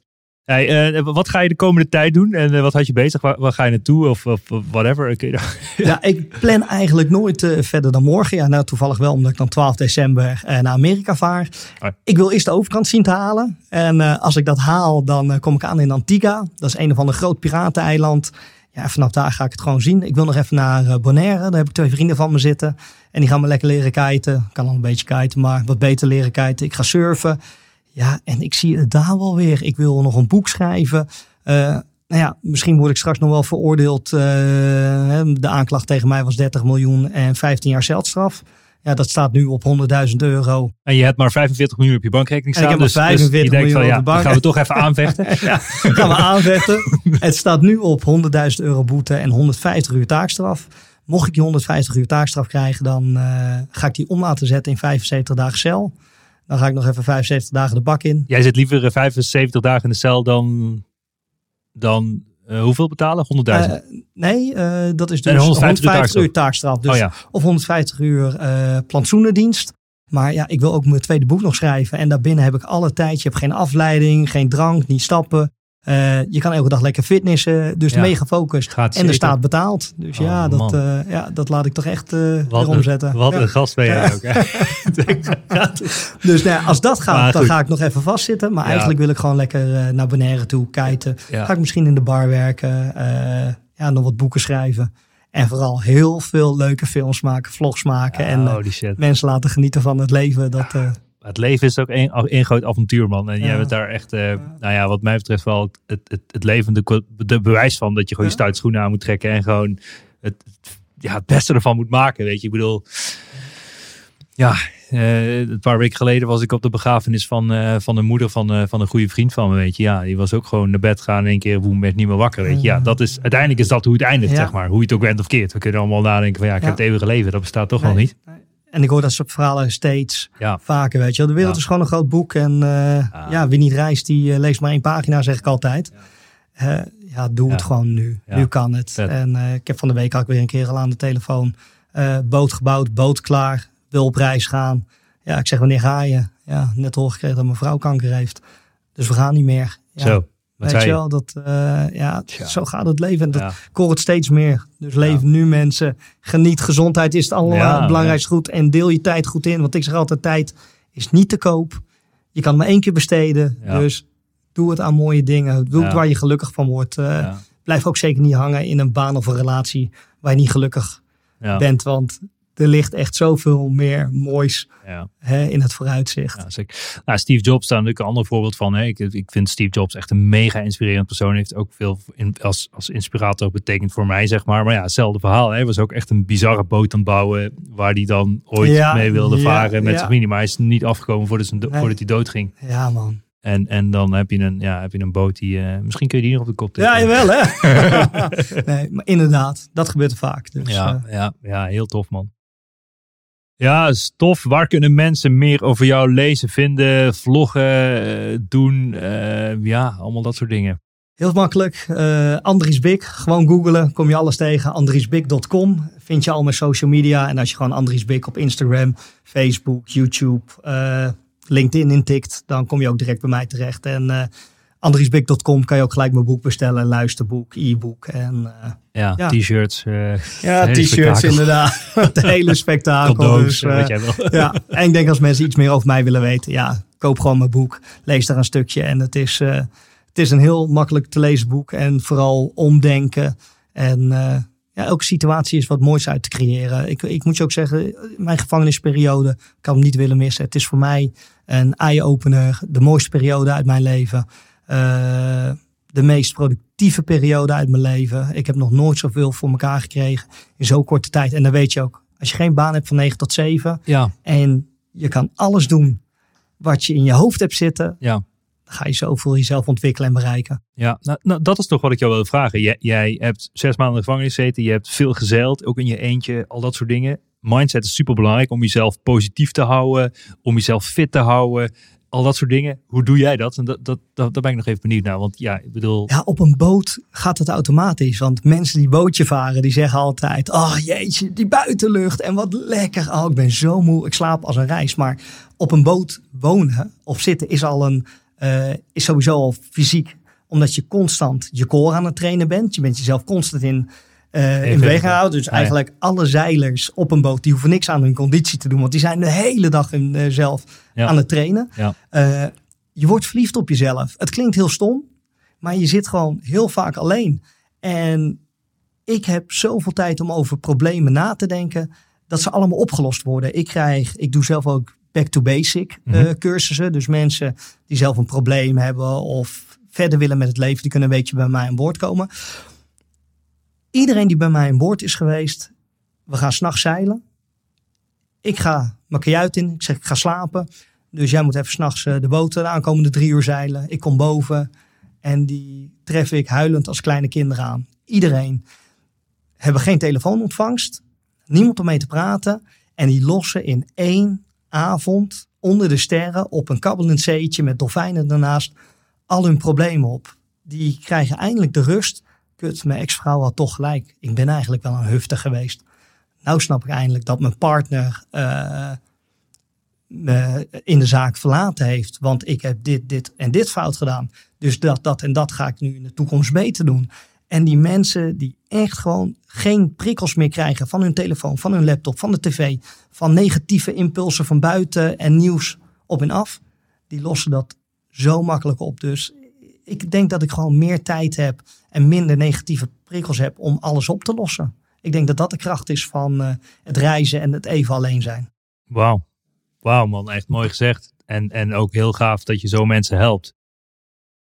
En um, ja, ik had, uh, je hebt nu zo'n ding op Netflix, dat is dan weer afleiding, maar goed. Maar het heet dan de Social, de social Dilemma. Ik vond het zelf interessant. Ik kijk alleen maar documentaires of dingen die ik me zie hem voorbij leren. komen, maar ik heb hem, ik, hij prikkelt me wel. Ja, dus. hij, hij prikkelt je wel. Dus eigenlijk, een, eigenlijk best wel een, een, ja, hoe we eigenlijk als mensen gewoon te afgeleid zijn. En precies wat jij zegt, weet je, we zitten gewoon totaal, ja, er zijn, en, en de zelfmoordratio's onder de jongeren, die zijn um, samen met de opkomst van social media ook meegegroeid, zeg maar. Dus al dat soort dingen is bizar te noemen. En dus daarom hoor ik wat je zegt als mensen. Dus mensen hebben geen idee meer hoe ze alleen hun tijd moeten spenderen. Ja. Ze zijn nooit meer stil. Um, ja, gaan niet naar binnen, maar zitten gewoon continu in een soort van, ja, letterlijk in een rat race. Ja. Want uh, ze hebben het idee dat het molentje moet blijven draaien. En ze krijgen honderden notificaties Ja. per dag. En WhatsApp en Facebook en socials. En iedereen moet weten waar je mee bezig bent. En ja, ik moet likes krijgen. En dan krijg je een negatief comment. En dan gaat dat helemaal in je zitten. En al dat soort dingen. Dus als je al die noise gewoon niet hebt, dan ga je dus ook veel meer jezelf zijn en veel meer van binnen leven. En, en Ja. dat is precies wat jij zegt, denk ik. En dat je dan ook gaat inzien wat je fouten waren in die stilte. En eh, ja, bedoel, eh, je hebt daar ook eh meditatiegetretes voor of wat dan ook. Maar ja, jij knalt ze gewoon op een boot. Je zegt gewoon, ja, doe het maar. En, en dit is je therapie. Ja, ja, ja, en ze lossen het zelf op, weet je. Het Ja, zit altijd in ja. jezelf. Ja. ja. en wat je zegt, die social media. Ik vind het briljant, want ik kan de hele wereld bereiken met positieve dingen. Ja, Alleen, het is ook een valkuil. Want iedereen post alleen maar de lekkere hapjes, zijn mooie auto's, zijn nieuwe horloge, zijn nieuwe telefoon. Ja. En al die kids die groeien maar op. Dat iedereen een nieuwe iPhone, de allernieuwste laptop moet hebben. Ik bedoel, ik zie het aan eh, ja, Ja. de dochters van eh, mijn vriendin. ja, Gewoon, ja, die, die willen de nieuwste iPhone hebben. Ja, dat ding is 1400 euro. Gaan we sparen van Ja. 3 euro Ja. per week. Weet je, maar, ja, maar, maar mijn vriendinnetje heeft hem ook. En die heeft hem ook. En die krijgt hem ook. Dus de lat wordt zo hoog gelegd voor de ouders om die kinderen gelukkig te houden. Omdat ze maar denken dat het normaal is. Dat je de wereld rondreist en de nieuwste kleding en spullen hebt. ja, bizar. Dat maakt ook wel ongelukkig hoor. Ja, dat is Eh, dat, dat beeld wat geschetst wordt door social media. het is ook allemaal weer schapengedrag natuurlijk. Hè? Ze Ja. zien het allemaal, precies wat je zegt. Ze zitten, want zij heeft het wel en ook, dus moet ik het ook. En, en zo krijg je eigenlijk de ene schaap volgt de andere. En zo heb je in één keer Ja. een hele kudde. En als jij dan het zwarte schaap bent, ben je in één keer de rare man. Ja, die tegenover mij zit, die een beetje de wereld rondreist. Ja, ja, ja, maar, maar, het is wel, het is wel zo. Over dat reizen. Uh, jij zegt, wat inspireert je zo en wat motiveert je zo? Ik zeg altijd, young ones, immature forever. Ik bedoel, door de ogen van een kind is alles mooi en alles leuk. Hè? Maar je bent maar één keer jong. Maar als je wil, kan je de rest van je leven nog hè, die onvolwassenheid en spelen. Hè? Je, je, je, wordt niet oud. Uh, ik, ik, zeg altijd, hè, ouder worden is echt een keuze. Mensen vinden mij vaak kinderachtig. Ja, maar ik ben een gelukkig kind. En mannen blijven kinderen, toch? En mannen blijven kinderen. Maar kijk Disney films. Mm. Dat inspireert mij altijd. Ik mm. kan echt op mijn boot zitten en een Mulan kijken. Hè? Of uh, The Lion King of noem maar op. Maar ik denk dat Disney films zo inspirerend zijn. Die zijn altijd zo simpel. Simpele mensen, simpele wezens en zielsgelukkig en avontuur. En daar word ik altijd heel gelukkig van. Dan ben ik echt, als ik een nieuwe Disney film gezien ben ik gewoon weer een maand gelukkig. Wow. Heerlijk. Wow. Ja. Disney films kan ik jullie allemaal aanraden. Echt waar. En dan de mooiste, welke heb ik nou net gezien? Zat ik huilend op mijn bootje. ik had dolfijnen naast me. Ik ben de, dat is over een klein Hawaïaans meisje. En die wil met een boot gaan zeilen. Mowgli. Nee, ja, die ook briljant. Of, uh, ja, Maui weet, weet, ik toevallig heet die gozer erin. Maar iets wat de meeste mensen nooit zullen zien. Op de Canarische eilanden heb je dus fosfor in het water. Ja. En als de dolfijnen daar naast je boot zwemmen, dan zie je die dolfijnen niet. Dan zie je alleen maar dat dat fosfor licht geeft. Dus je ziet echt, zoals in die film je, je lichtgevende dolfijnen hebt. Ja, dat is het meest bizarre wat je in je leven kan meemaken. Dan heb je gewoon vuurdolfijnen naast je in het water zwemmen. En alleen dat is al een reden om s'avonds te gaan zeilen, jongens. Ja, vet. ik keek die film en ik zat daar ook gewoon jankend op mijn bootje. Ik zat in een Disney film. Wow. En Disney kan echt, uh, ja, Disney is mijn motivatie. Goede therapie dus. Ja, ja, ja, nou, nou ja, Into the Wild heb ik natuurlijk ook een hele tijd geleden gezien. Ook een bekende film die je denk ik ook wel hebt gezien. En op een gegeven moment uh, uh, gaat hij natuurlijk dood. En, uh, maar hij schrijft in dat boekje, voordat hij doodgaat, schrijft hij volgens mij iets in de zin van no happiness without sharing. Ja. Dus en, en voor jou is de sharing dat je dan de video's maakt en de vlogs ja. en de dingen. En dat deel je de wereld in en krijg je coole reacties op. Ja. Want dat is dan toch misschien ergens iets, een soort van wat je nodig hebt misschien om het, om het ja, om het vuur in jezelf aan te houden of niet. Als stel dat dat onderdeel eruit zou zijn, dat je het niet mocht delen en dat je daar dus alleen huilend op je ja. bootje zit. Omdat je het allemaal zo mooi hebt. Ja. Is, maakt het dat een stuk minder of niet? Nee, ik, ik, ik, ik geniet daar echt van. Want uh, tuurlijk, likes en alles is hartstikke mooi. Maar het mooie zijn echt de comments. Andries, echt, ik begin de dag met een lach. Andries, ik dacht dat ik een rotdag had. Maar nou ik jou zo in die storm op die boot heb gezeten, ik heb niks te klagen. Ja. En de interactie hebt met mensen. Uh, ze zeggen altijd, ja, mensen denken vaak, uh, social media uh, is niet persoonlijk. Nou, ik heb op mijn Facebook 5000 mensen en ik denk dat ik er met 3000 persoonlijk contact minstens gewoon heb. Dat Hm. ik weet wie wat voor werk doet, waar wat doet. Mensen reageren erop. Het is interactie. En ook al ben je aan de andere kant van de wereld. Hm. Ik vind dat iets zo moois. Daar word ik gelukkig van. Cool. Die interactie met mensen over de hele wereld. Ja, tof. tof. Dus ja, ik, ik zou, als ik dat niet zou kunnen doen. En ik zou die interactie minder hebben. Ja, dan zou het inderdaad misschien minder leuk zijn. ja, Maar ja, dan neem ik mensen aan boord. ja, en dan heb ik gewoon eh, mensen direct aan boord met wie ik het deel. Dus Ja, er is ja. altijd een oplossing. Ja, cool, cool. Hey, en, en worden er ook wel eens dames verliefd op jou zo tijdens de reizen? En dat je dan, eh, of, of heb je dat probleem nog niet gehad? en dat Nou, je dan ik- na ik- drie ja, weken zegt nee, van, nee, hey, eh doe de dokie. Nee, ik, ben- ik ben daar wel heel makkelijk in. Eh, ook op Tinder als ik reisde was het gewoon altijd... eh, nou ja, ik ben een reiziger. Ik ben hier maar voor een paar dagen. Ja. Dus ja, als je zin hebt in een drankje en Ah, ja. ja, je hebt je stoute schoenen aan... dan mag je me altijd even bellen. Ja, Maar ik ben volgende week ook weer weg. Dus ik, ik ben altijd heel duidelijk geweest van... ik, ik blijf niet hangen, ik word niet verliefd. ja. Ja, ik heb nou toevallig een hele mooie vrouw waar ik heel verliefd op ben. en eh, die ik eh, de afgelopen vijf jaar ja, eigenlijk om de twee, drie maanden probeer te zien. Oh, ja. Dus dan eh, vliegt ze naar mij toe of ik naar haar. En ja, dat is wel heel moeilijk, Ja. moet ik zeggen. Want we hebben dan gewoon ook echt een open relatie. Hè. Zij mag doen en laten wat ze wil en Ja. ik. En ja, je blijft toch altijd wel een beetje jaloers worden. Ja, ja, ja. Ja, nu vaar ik naar Amerika toe, dus moet ik daar ook afscheid van nemen. En dat doet wel pijn.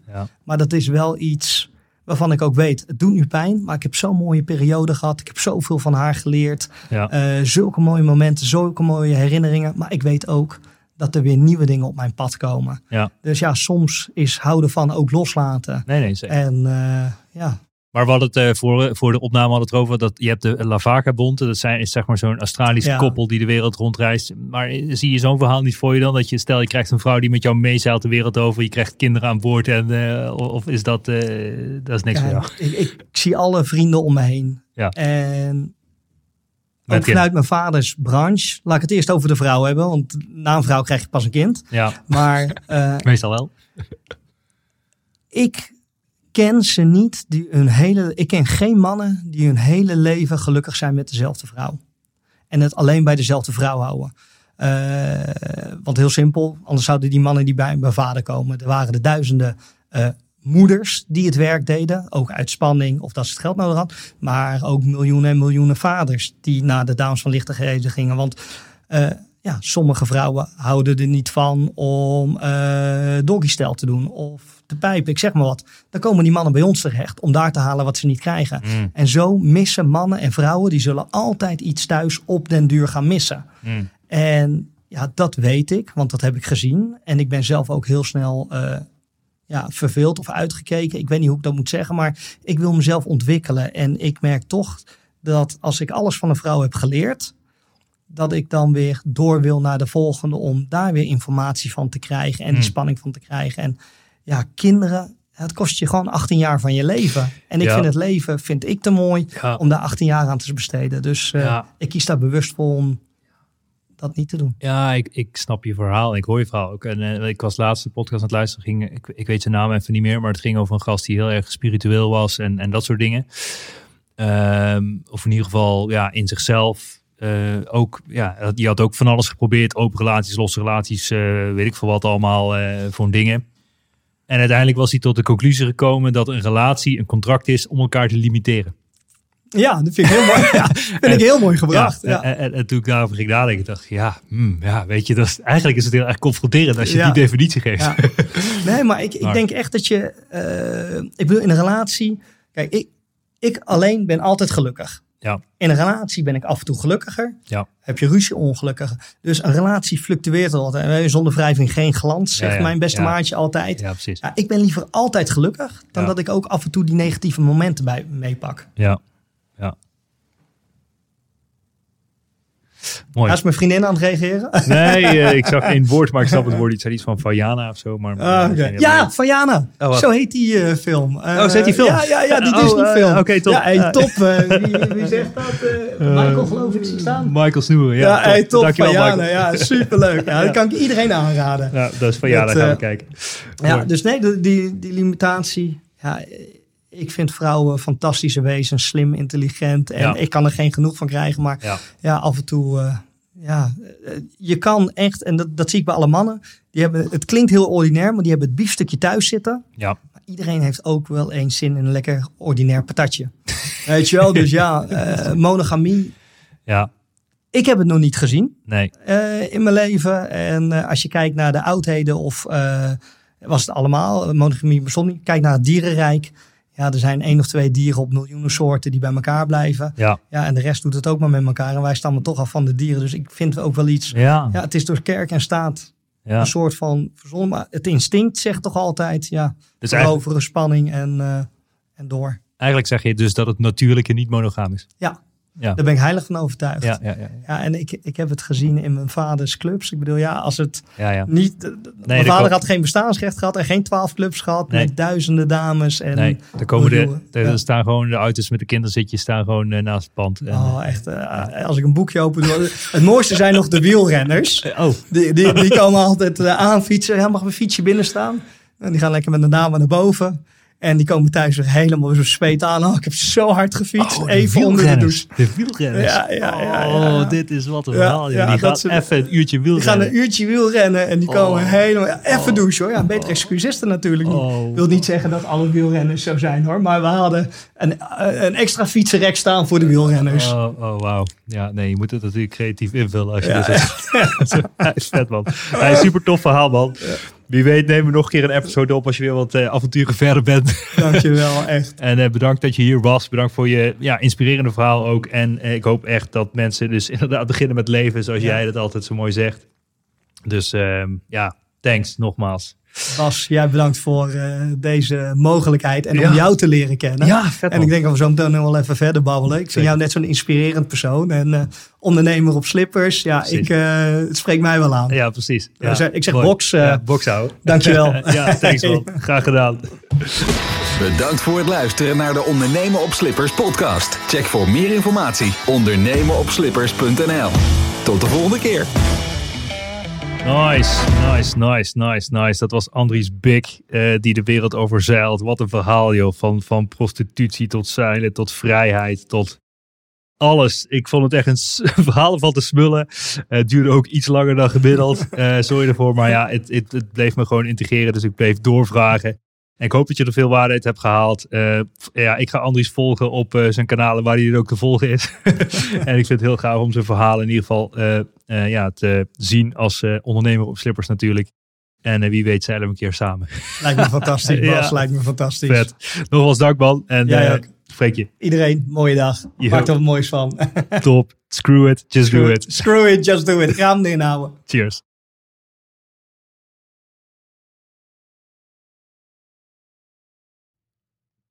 Dit was toch een onwijs gave episode. Laten we eerlijk zijn. Ik vind het onwijs tof. Mocht je nou waarde vinden in deze episodes, check dan ook eventjes mijn LinkedIn, Bas Eurlings. En geef mij gewoon even een persoonlijk berichtje wat je van deze podcast vindt. Nogmaals, ik kan alles gratis aan jou geven. Wil je leren in de e-commerce? Gratis in op één coaching. Gratis e-commerce kickstart event. Ga naar basdeeltuit.nl hoe jij subsidie kan aanvragen door gratis, om gratis toegang te krijgen tot alles wat ik gemaakt heb. Check it out en tot snel. Ciao, ciao.